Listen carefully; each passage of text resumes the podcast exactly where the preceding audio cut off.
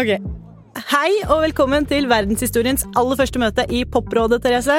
Hei, Sanne. Hei, jeg heter Sanne Hansson Lier, og nå har du også blitt litt introdusert, men du heter Therese Solien. Ikke sant. Og vi er her og har litt overtenning nå, det må være lov å si. Ja, lite grann. Fordi nå skal vi eh, endelig få starte denne podkasten som vi mener at trengs. Absolutt. Nemlig et popråd. Ja. Og hvorfor trenger vi det?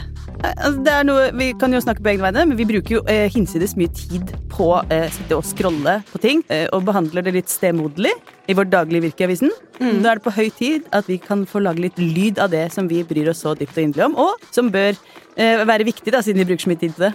Det er noe med det, og det vi da snakker om, er pop og internettkultur. Ja. Ikke sant? Og vi har et sånt overordna mål for denne podkasten, nemlig at vi vil se hva de tingene vi eh, har i feedene våre, forteller oss om den tida vi lever i. Ja. Det er litt sånn hårete mål, men det må være lov å ha noen ambisjoner. Vi, vi legger listen litt høyt der, da. Så får vi se hvordan det går. Kanskje vi til og med har det gøy. Tenk om vi også har det. Jeg tror det. Så hver uke så skal vi ha med oss eh, noen observasjoner eller påstander om ting som har skjedd eh, i popkulturen. Mm. Gjerne den siste uka, men er, vi har også lov til å skue litt tilbake. Ja, absolutt. Noen, eh, noen hendelser er så store at de tåler mer enn en ukes hyllevare. Ikke sant? Og da eh, vil vi ta det opp her i rådet for å se om eh, vi blir noe klokere. Og du er jo kjempeklok, du er en av de klokeste jeg vet om. Nei, hjelpe meg. Da må du få deg bedre venner, ass. Ja, nei, men jeg får meg noen bedre venner her nå. Vi skal også ha med fire andre kloke mennesker som også er opptatt av pop- og internettkultur. Det er de krykkene vi støtter oss på. Ikke sant? Og vil du introdusere noen av dem? Jo, gjerne det. Eh, En eh, gjest vi skal ha, er kjent som eh, statsråd i flere omganger under Erna Solbergs regjering, også kjent som samfunnsredaktør i E24. Men jeg tenker på ham først og fremst som rappekspert, Torbjørn Røe Isaksen. Det føler jeg vi er nødt til å komme tilbake til, men det er greit. Ja, det tror jeg vi gjør. Vi skal ha med oss eh, komiker eh, og tekstforfatter Dag Sørås. Og så skal vi ha med oss eh, Java Del Bakali, som er Instagram-kjendis. Ja, IG-kjendis. Ja, Mm. Han har kontoen Utlendingmemes på Instagram, masse følgere der, og veldig gode observasjoner. Og så skal vi ha med oss Isalill Kolpus, komiker hun også. Mm. Sist sett i den eneste episoden av Nytt på Nytt eh, i 2022, vil jeg si. så det blir veldig spennende. Ja. Mm. Ok, da eh, skjønner alle i hvert fall hvorfor dette rådet trengs, og jeg tror vi er klare for å få inn vår første gjest. Kan ikke du introdusere han, Therese? Veldig gjerne. Redaktør i E24.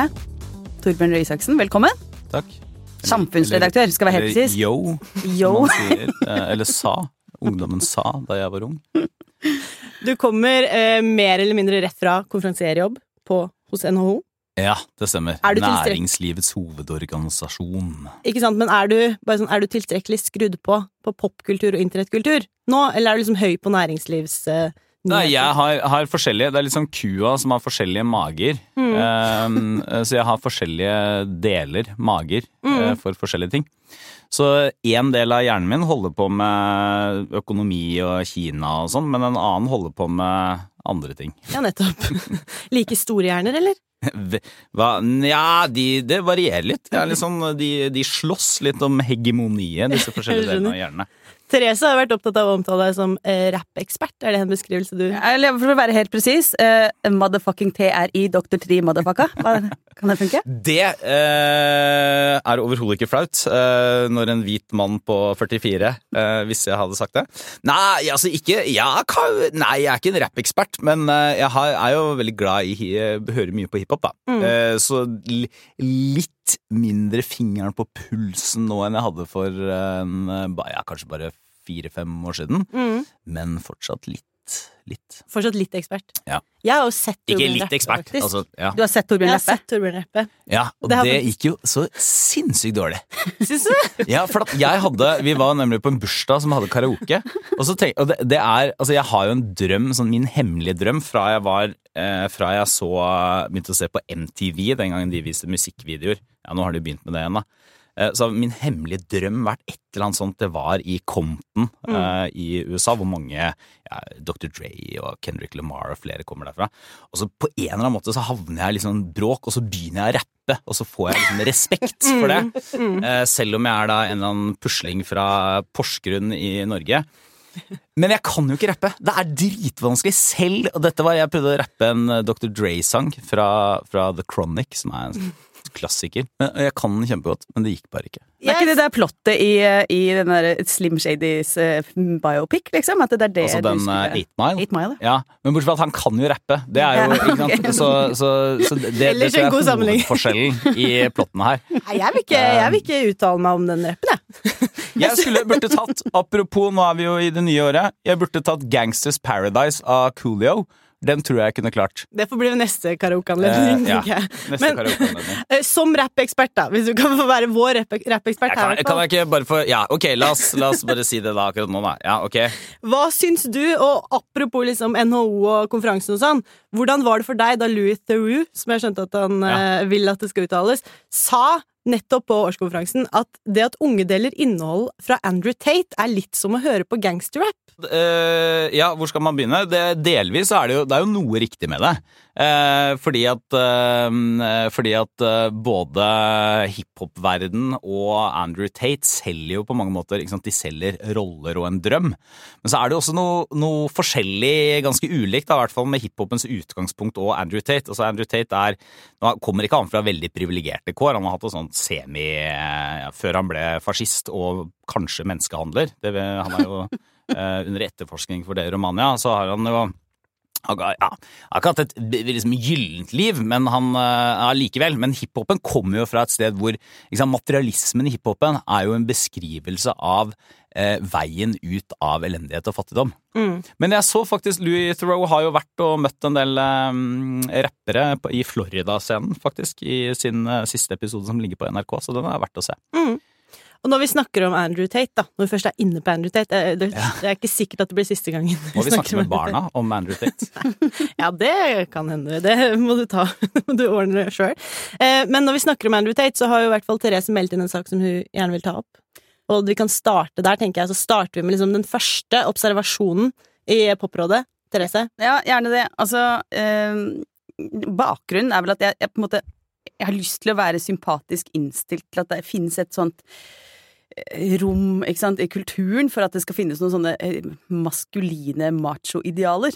At det skal være liksom i denne tross alt ganske feminiserte eh, oppveksten som mange har, at det skal være lov å være sånn man, mannete mann, eller hva skal jeg si. At, jeg, at jeg kan også se behovet for en sånn maskulin skikkelse som tar til orde for ja, menn må være menn. Litt sånn, ja.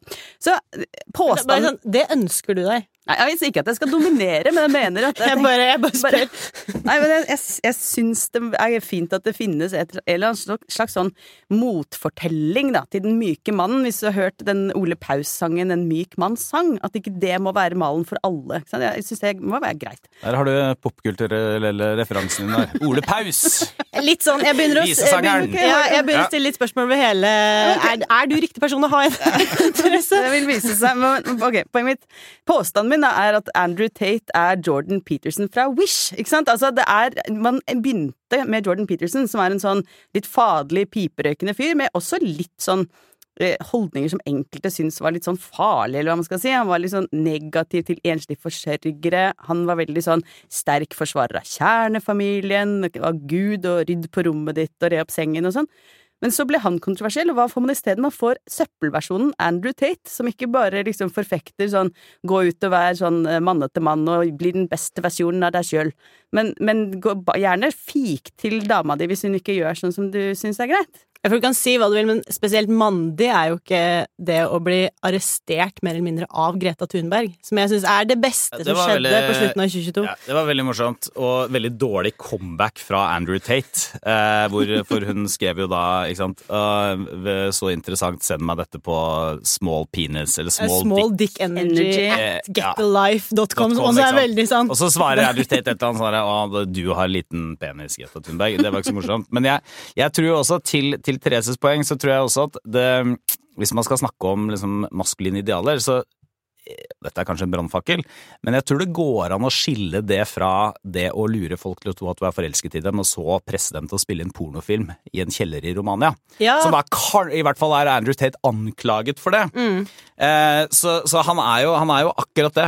Han er jo en sånn ekstrem eh, tegneserievoldelig figur som dessverre fins i virkeligheten. Ja, nei, det, jeg tror vel uten at jeg, jeg tror vel at du er jo kanskje ikke den første som drar en parallell Altså at Andrew Tate har vært noe inspirert av Jordan Peterson, uh, av Jordan Peterson det er vel ikke Det vil jeg jo tro at han er. Nei, ikke sant? Ja, det er i hvert fall dette mulighetsrommet som han, mm. som han eh, tar tak i og fyller, det er i hvert fall en dør som ble åpnet av Jordan Peterson og, lignende folk, som på en måte ser at det er, det er mulig å appellere til den eh, manglende sånn eh, forståelse for, for eh, testosteronets plass i mannens liv, kanskje? Men er ikke, er ikke Andrew Tate mer en sånn ekstremvariant av eh, en reality-deltaker, da? Jo, jo. og han altså, det- er jo en reality-deltaker. sant, nettopp det også. Han var Mm. jo med på Big Brother eh, før han ble kastet ut for å piske noen med et belte. Det, det sier jo Ja, som jo ja. Det er godt oppsummert. Det, Men det er vel også det han er, på en måte. Jeg føler, Og så har man, han har fått en eller annen plass som forteller kanskje noe om den tida vi lever i, da, for å trekke den uh, parallellen. Hadde, hadde Andrew Tate kunne blitt like kjent og holdt sitt eget universitet for 20 år siden? Kanskje ikke? Eller? Eh, Nå vet ikke jeg i hvilken grad en sånn doktorgrad fra det universitetet er liksom klingende mynt i øvrig akademia. Jeg mistenker at det kanskje ikke er sånn veldig gangbar valuta. Um, men ja, nei, det burde finnes eh, smartere folk for eh, litt eh, mindre smart publikum enn han der. Altså, jeg, håper, mitt håp for det året som kommer, er litt bedre idealer for machokulturen. Mm. At eh, litt på spissen sier at dumme folk burde ha smartere helter. Det er godt sagt. Ja. Da har, vi, da, har vi, da har vi vært innom Andrew Tate. Jeg tror vi sikkert skal snakke mer om Andrew Tate. eh, Jeg håper jo at vi kan slippe, men jeg er litt redd for at det skjer mer. Jeg mistenker det også.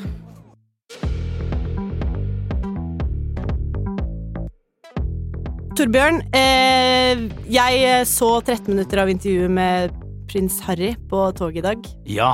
Har du, eh, du, har, du har meldt at du vil snakke litt mer om han? Jo, men det, det, jeg har ikke sett hele dette intervjuet, og denne, jeg har ikke lest boken, men det er jo, dette er jo blitt en sånn sak hvor det er, det er helt umulig å komme seg unna, og jeg syns bare det er så ø, forferdelig trist. Ja. Rett og slett. Mm.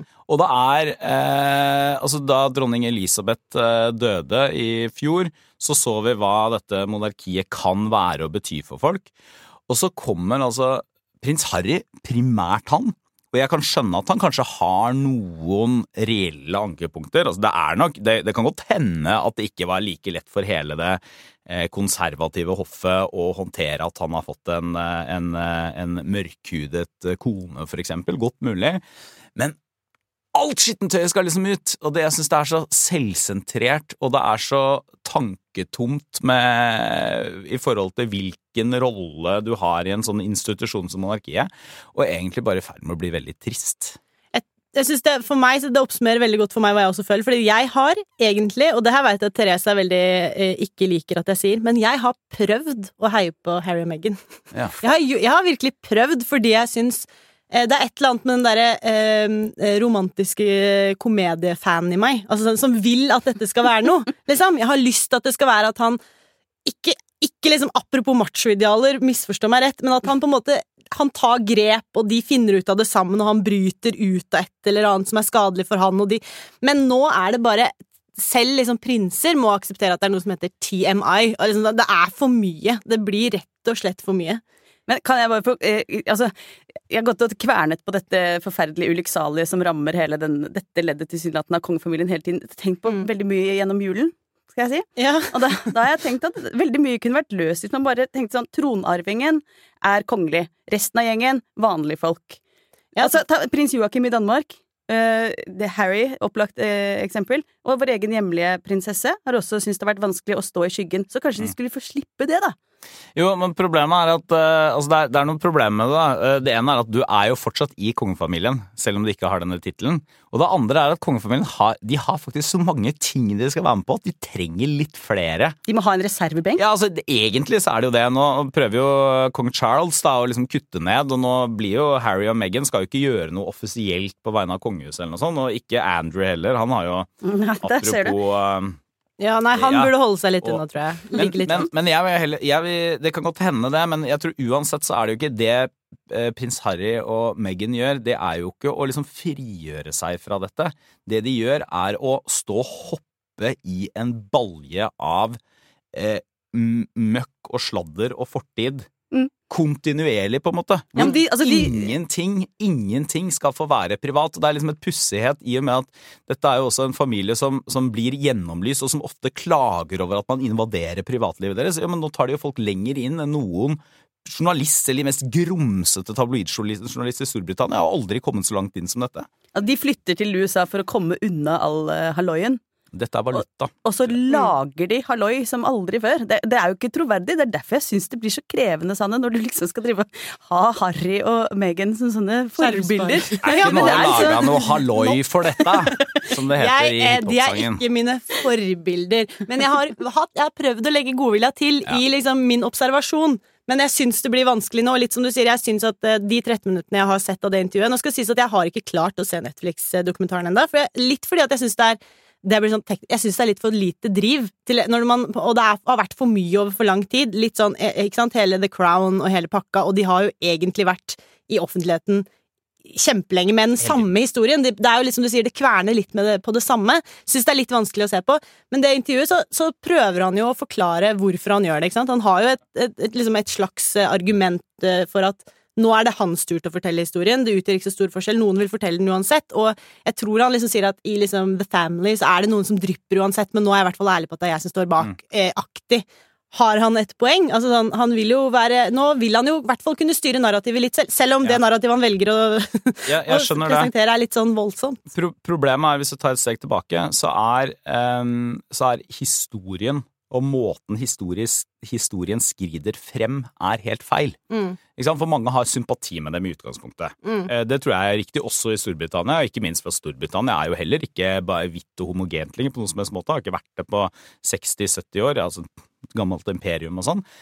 Men, men, men da vil man at det skal gå fremover mot et eller annet som ligner en forsoning. Så jeg tror at hvis man hadde tatt vekk 40% 50% av dette, hatt mye av det, og så hadde kanskje dronning Elisabeth gått bort, og så hadde det vært en sånn forsoning så kunne det vært en historie hvor alle var sånn fy søren, prins Harry og Meghan, de har blitt urettferdig behandla. Nå må Charles liksom ta dem inn i varmen. Mm. Men sånn er det jo ikke. Nei, Nei, Dronning Elisabeth er død. Eh, Kong Charles er monark. Han angriper den kommende tronarvingen, broren sin, Mm. som alle trodde jo de, i hvert fall. Alle trodde Charles var problemet. Så er disse brødrene som driver og slår hverandre. Ja, altså- virkelig slå hverandre, drar av hverandre kjeder og det som er. Jeg ble jo litt lei meg da, så i starten av eh, den, eh, da, dette intervjuet, så er det jo liksom bilder fra bryllupet. Ja, jeg var i London da Harry og Meghan gifta seg. Det var, det var helt tilfeldig. Men, da, men det er litt, sånn, litt av historien er også at da var det jo De har jo ikke blitt motarbeida av det britiske folket. ikke sant? Det var jo stor stemning, og det var eh, fest i gatene, og det jeg fikk overvære, det var helt fantastisk.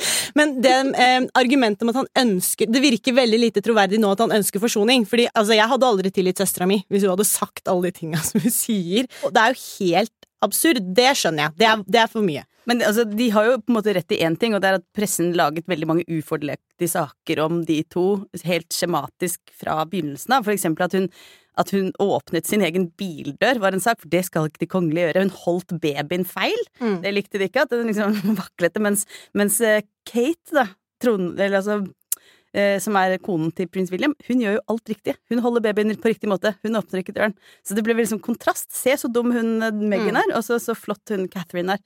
Men det er jo fordi eh, Hva skal du si nå? Nei, jeg vet ikke. Det er veldig mye lettere å like de som skal arve tronen. Det, Men de jeg tenk- gjør det jo. Nå har jeg tenkt litt i fem sekunder. Jeg tror kanskje jeg hadde tillit søstera mi. Fordi det, det, kanskje det er et eller annet med at vi skal at jeg, jeg håper kanskje litt på at blod strengt tatt er tykkere enn vann, da. Er det liksom noe Er det det som gjør at man holder håpe igjen? At det kan være en eller annen tilgivelse, i hvert fall sånn en eller annen tilgivelse i, innenfor uh, firmaet, uh, familien, som det britiske monarkiet er. Eh, men dette ligner jo mer og mer på en Han var riktignok da tro, kongen periode, han kong Edvard, som ble sammen med Wallace Simpson, fraskilt amerikansk Det ligner ikke litt på det. Det er det jeg syns er så fascinerende. Virker som de har skrevet ja. historien på han, nytt. han, var jo, han var jo nazist også. Ja da, Eh, det Prins Harry bare kledde seg ut som nazist. Han, han, ble jo, han ble jo forvist. Han, han kom aldri tilbake i verken hjertene til det britiske folket eller til britisk politikk. Og dette er jo så gøy, for dette, kan jo alle, dette kjenner jo alle igjen nå, fordi vi har sett på The Crown.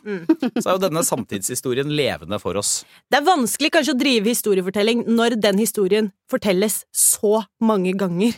Liksom, historien om familien din så langt tilbake i tid er bare Det er, det er veldig vanskelig å styre historien helt på egen hånd.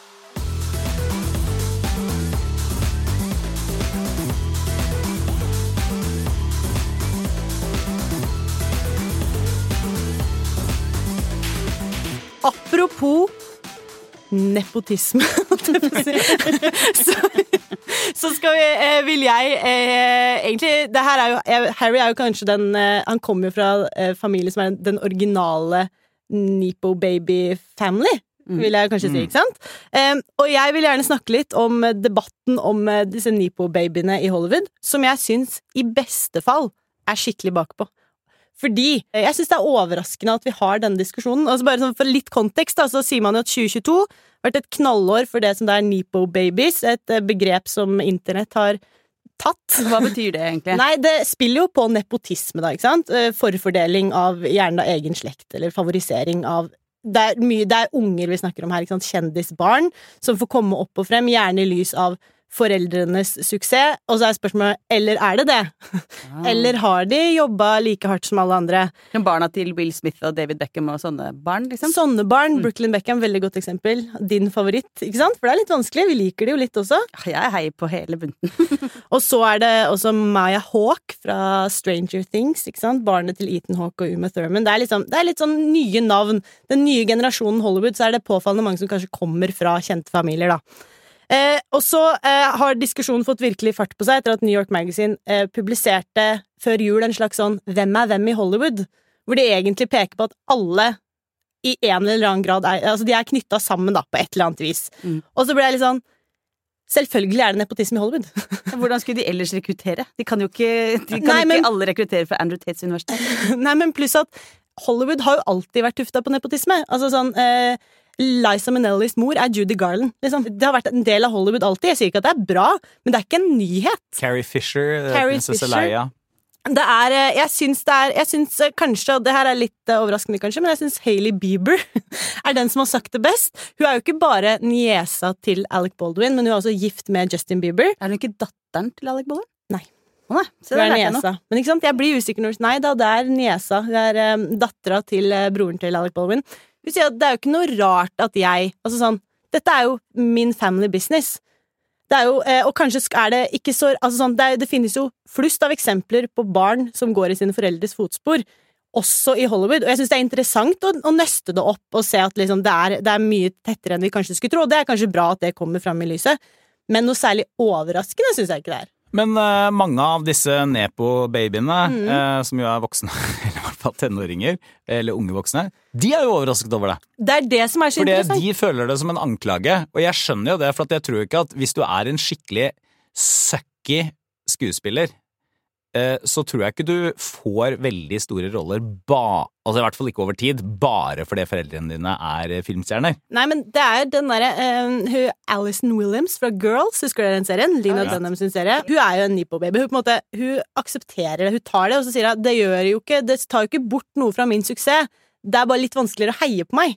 Og det synes jeg er veldig sånn Det er en god måte å se det på. Fordi at å si at det ikke hjelper deg litt, er jo Det er jo direkte feil. Men altså, fins det en celle i kroppen til Brooklyn Beckham som tror at han er blitt kjent fordi han er så flink til å lage mat? Han kan jo ikke, må jo se, se disse krysskoblingene litt selv, kanskje? Ja, det er det som er en interessant diskusjon, kanskje. Da. Altså, eller det som har vært interessant å følge med, er jo på reaksjonene til Og det, det deler Hollywood litt i to leire. Det er de eh, Nepo-babyene som ser at eh, det er, eh, det er du, Mor og far har eh, en finger med i spillet, og så er det de som ikke syns at det er relevant i det hele tatt. For eksempel da mest kjent eh, Lily Rose Depp. Ah, datter av Johnny Depp og eh, Vanessa Paradis. Vanessa Paradis, som syns at eh, det, er, det blir veldig urettferdig. Ja. og si at Men- mor og far har noe med Men hun er jo også modell, Mm. eh, ikke sant? Skikkelig Og- flink. Ja, og det er jo en av? La oss ta det første her, da. Vakre mennesker som får barn, får ofte vakre barn. Eh, og ba, Det er, er liksom, noe genetikk og sånn. og da, hvis du er vakker, og så får du jo inn et eller annet sånn Hvis du bor i et hjem hvor mor spiller klarinett og far spiller tuba og piano, så blir du gjerne litt musikalsk. Ja. Og da er jo Hollywood like i nærheten. Mm. Så jeg tror det mange av dem reagerer på, er jo, og som jeg skjønner at de reagerer på, det er jo dette begrepet nepotisme. Ja. For nepotisme betyr jo ikke bare at sånn jeg holdt med det samme som foreldrene mine, men har klart meg selv. Det er jo at jeg har fått, jeg har fått noen fordeler. Litt sånn lugubre fordeler. Mm. Fordi at mine foreldre er de de er. Altså så Maya Hawk, da, Mm. som jeg elsket i Stranger Things. Hun er dritkul i Stranger Things. Jeg ante ikke at hun var babyen til Eller babyen Barnet, barnet til si Ethan. Hawke og Uma Thurman, er det ikke? Ja, ja, ja. Fantastisk, begge to, for øvrig. Eh, jeg skjønner jo at eh, altså det, det jo ikke Jeg skjønner at hun blir litt sur hvis det høres ut som om det er bare foreldrene hennes som Mm. gjør at du er der du er. Men det er det jeg tenker at eh, bli, Nå er det sikkert, ikke sant, nå skal vi ha den diskusjonen, en ny generasjon skal ha den diskusjonen og sånn, men det er jo ingen som eh, Jeg tror veldig mange eh, barn av kjendiser har jo bevist at de kan gjøre det godt for seg sjøl. Du trenger ikke å ha det hengende over deg alt for alltid. Og i, mitt, liksom i forlengelsen av det, så er det sånn hvem er deres favoritt-nepo-baby? Fordi jeg tror Jeg har tenkt litt på det Jeg har tenkt mye på det i jula, som du pleier å si, Therese. Og jeg tror at eh, for eksempel Det er ikke et, en åpenbar nepo-baby, men altså Alexander Skarsgård, for eksempel. Ja, det er jo ikke sånn at du går rundt og tenker 'jeg ser ikke', og så tenker jeg 'å herregud, du er bare kjent fordi Stellan Skarsgård er faren din'. Du, du, du kommer jo forbi det, men du må kanskje du må kanskje jobbe litt mindre for å komme inn, og så tror jeg du må jobbe litt hardere for å, eh, for å bli der, og for å få respekt. Da. Ja, for jeg tror du må jobbe hardere for å bli der, Mm. faktisk. For jeg tror nettopp for at mange vil tenke sånn, du er der bare Og særlig hvis du velger noe Tenk, eh, nå er vi kanskje langt utenfor det liksom populærkulturelle, men tenk Linn Ullmann, for eksempel. Datter av Liv Ullmann eh, og um, Ingmar Bergman. Ingmar Bergman. Mm. Eh, eller hvis du har kunstnerforeldre, sånn som Lena Durham, eller i og for seg Maya Hawk, Mm. eller ja, Beckham, eller hva det nå skal være, Mm. så tror jeg jo den derre eh, Du får ikke noe gratis over tid hvis du ikke også beviser det. Og jeg tror når du føler at du har bevist det, og så kommer noen og sier sånn Nei, bare fordi foreldrene dine er filmstjerner, Mm. eh, så blir du sur. Og så Og så er dette litt annerledes nå også, fordi at alle kan bli stjerner på sosiale medier. Så Det er også litt av grunnen. ikke sant? De blir kjent for å være kjent lenge før de begynner å gjøre noe. og så er det noe som er litt gøy med sånne dynastier og sånn òg. Så det er jo derfor kongehuset lever, ikke sant. Det er gøy med sånn derre Se her, bestefaren din var eh, Vet ikke jeg. Charlie Chaplin. Eller fun fact, Uma Thurman, faren hennes, religionshistoriker, professor, venn med Dalai Lama. De sov på samme rom på college. Og det er sånn, det er bare fakta som bare Therese bare har i huet sitt. Og da, da, da, da har vi det gående. Nei, men så det, um, vi har respekt for nepo-babies. Hvis de får til noe som helst. Ja. Jeg er eh, kanskje ikke så ivrig fan av kokkekunstene til Brooklyn Beckham, men jeg synes det er bra at han gjør noe selvstendig. Jeg vil Han er heie på det. forbanna flink fotograf.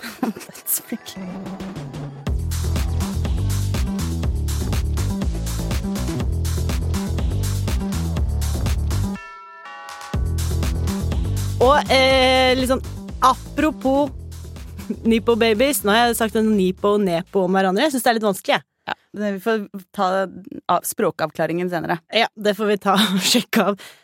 Du har jo sett eh, og likt eller ikke likt en serie med dattera til Phil Collins i hovedrollen. Nettopp. Eh, og hvilken eh, serie er det?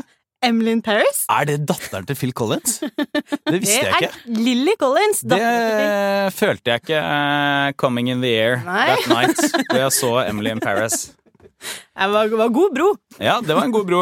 Ja, altså jeg, eh, Kona mi selvfølgelig har jo fråtset i eh, Emily in Paris. Ja. Jo, men er det ikke det det er, det er vel lov å si at Emily in Paris har primært det kvinnelige publikum? Det er litt mye østrogen i den serien, kan godt si det. Ikke sant? Og så så jeg et par episoder her om dagen, og jeg på en måte skjønner greia, for det er veldig behagelig å se på, det. Ja. Og visuelt pent og sånn. Det er jo Paris og hele Ikke sant? Paris, Mm, og det er setting. eh, tullete franske aksenter og sånn. Overdrevne motekarakterer, som kanskje ikke er overdrevne i det hele tatt. Eh, Veldig lite kokain, tror jeg, sammenlignet med det virkelige moteverdenen i Paris. Men ikke helt min greie. Kanskje Ikke? ikke sjokkerende nok. Men hva er det som er Hva er det som byr deg mest imot, da? For her har du bare nevnt positive ting. jo, men vet du hva? Det er at jeg syns ikke den er så morsom. Nei. Og rett og slett, jeg, hvis jeg skal ha en sånn eh, For dette er jo noe, dette er jo ikke noe man ser på for å få masse feedback. Det er noe som er behagelig for øyet, og så rusler og går det. Okay. Jeg vil ha litt mer morsomt. Ja. Og så vil jeg ha litt mer sånn sjarmerende karakterer. Men en stor serie på Netflix, det skal sies Emily in Paris. Og dette er, er det sesong to eller tre? Det er nå i hvert fall det er tre, ja. Sesong tre. Mhm. Hun Så er det- fortsatt i Paris. Hun er fortsatt i Paris. Jeg så de første episodene av sesongen da hun dro til Paris. Ja. Og så ga jeg meg der. Men den, den serien fikk jo kritikk innledningsvis for at den laget en sånn karak Altså en sånn et slags karikatur av Paris. Ja. Nei, det er ikke så idyllisk der, og franskmenn er ikke så franske av seg.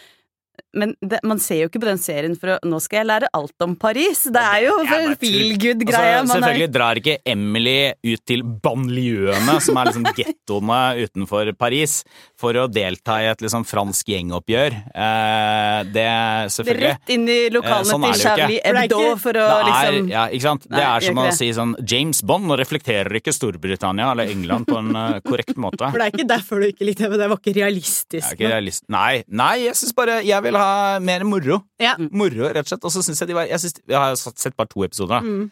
Jeg syns de var litt sånn døve, de karakterene. Jeg syns de var litt sånn kjedelige, rett og slett.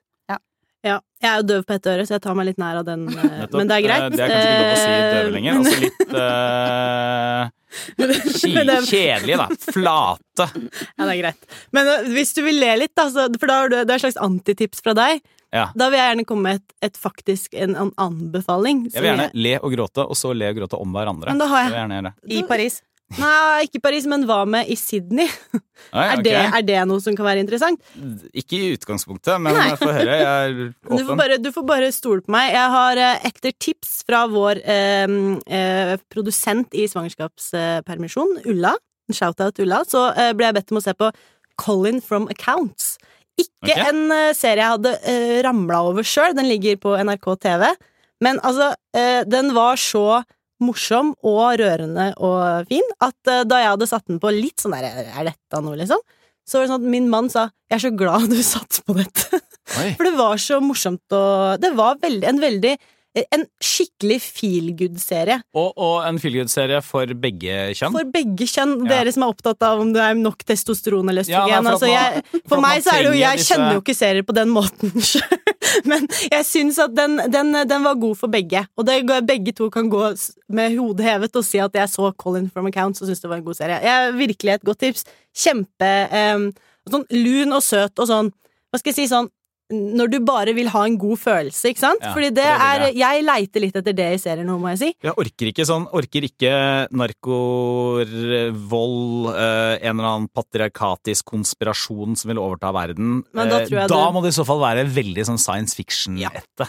Og så ønska jeg meg også noe som jeg tenkte at det her tror jeg har potensial for å ende godt.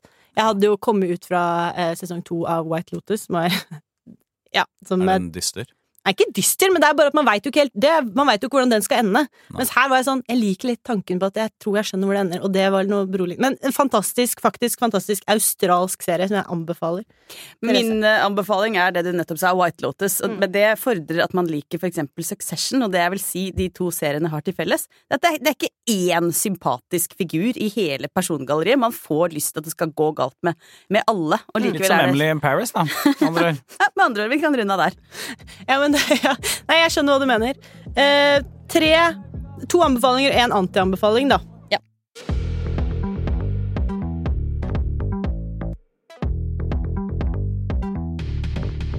Nå er det liksom starten av 2023.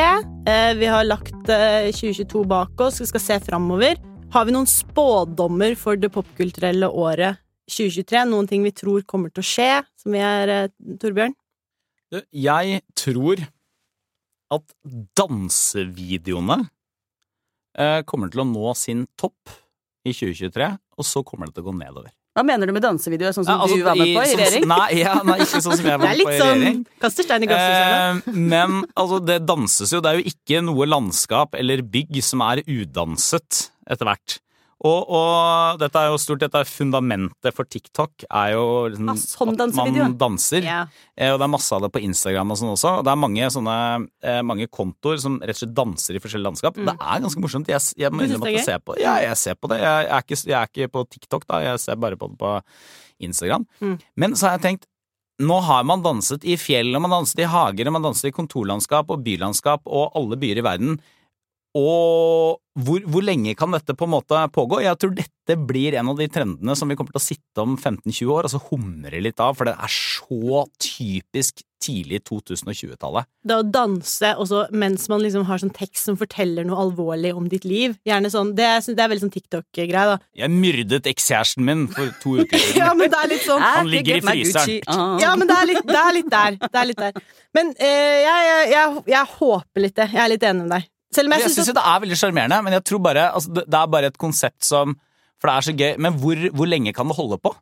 Altså, Nei, jeg det er jo tror- det jeg samme tror det er konseptet, så du, du må jo Jeg tror hvis den, akkurat med den teksten der, jeg myrdet min eks Det, det tror jeg er det som skal til, da. Da er vi kvitt det. Men når det er sagt, da, så vil det eh, eh, gå vekk eh, fortere for deg. Hvis du bare, for jeg skjønner ikke folk som sitter og ser på TikTok på Instagram. Det er en sånn pet peeve jeg har. Og Facebook. Kan dere, ikke, kan dere ikke laste Er det noe politisk grunn til at du ikke vil ha TikTok? For det er akkurat det samme. Du bare får de samme videoene sånn fire uker etterpå. Ja, men jeg, er ikke noe, jeg, er ikke noe, jeg oppsøker jo ikke akkurat disse videoene veldig eh, aktivt, da. Nei, men det er Jeg bare har lagt, jeg har lagt merke til okay, dem. Ja, greit. For jeg tror du kan få de du kan, De kan forsvinne fra feeden din fire uker tidligere, da. Hvis du tar det i TikTok. men det er greit. Så du må oppsøke for å få det til. Dette var veldig avansert. Ja, det, det er avansert. De algoritmene de kjenner deg godt. Therese, har du en spådom for 2023? Ja, jeg har en nå. Torbjørn kommer til å laste ned TikTok. Men det tror jeg Det må skje. Men det er greit? Er det din eh, spådom? Eh, Det du det ja, det, det holder, det. Men Sanne, du da? Har du noen spådommer? Ja, jeg har en spådom, og jeg har jo faktisk liksom eh, Det er ikke noe sånn at jeg Det er litt vanskelig med spådommer, fordi det er ikke sånn at jeg tror det skjer, eller håper det skjer, men jeg har en følelse at det kan skje.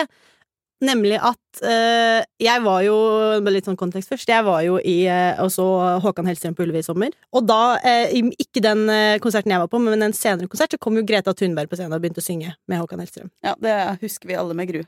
Ja, men eh, Og du med glede, da. Nei, jeg var jo ikke der. Men jeg tror at jeg har faktisk en følelse Jeg tror ikke det bare er til, Jeg tror det kan skje at Greta Thunberg i 2023 vil gi ut et duettalbum med kjente svenske artister. Ja, Den er bra. Jeg tror det kan Og Andrew Tate på et av gjestesporene. Har dere ikke hørt det? Syng You Never Gonna Give You Up. Hun er rundt Hun synger mye nå. Ja. Og hun har svenske artister med på laget. Jeg tror det kan skje. Nå har hun gitt ut en bok, ikke sant? Hva Ja. er det neste? Hun har bevega seg mer i sang-duettlandskapet.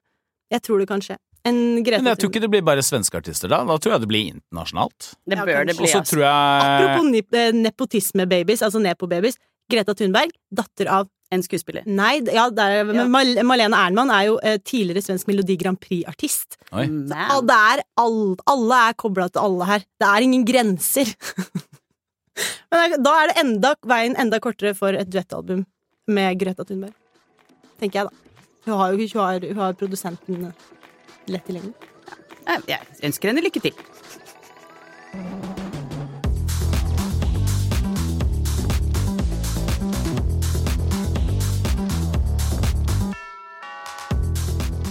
Skal vi runde av, kanskje? Jeg syns vi har vært innom eh, veldig mye. Og hva slags rød tråd? Ja, det var kanskje det. Hva, hva er den? Hjelp meg. Fra liksom eh, gangster-Isaksen Ja. via Dr. Terry. ja, via Louis Theroux Ja. til Andrew Tate, Ja. til eh, Greta Thunberg, ja. til eh, til eh, nepotisme og nepo-babies i Hollywood. Og egentlig så har vi bare eh, runda av og kan konkludere med at alle er nepo-babyer på et eller annet vis. Ja, og at de antagelig, hvis de er helt talentløse, så blir de ikke så kjent. Nei, bortsett fra kanskje da med unntak av Prince Harry. Det, det kan være opp til folk å bedømme.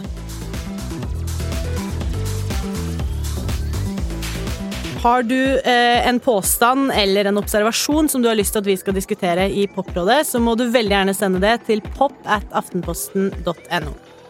De som eh, satt i studio her i dag, var Torbjørn Røe Isaksen, Therese Sollien og jeg heter Sanne Hansson Lier. Våre produsenter er Hanna Nordlien Berg og Ulla Kristine Rafaelsen.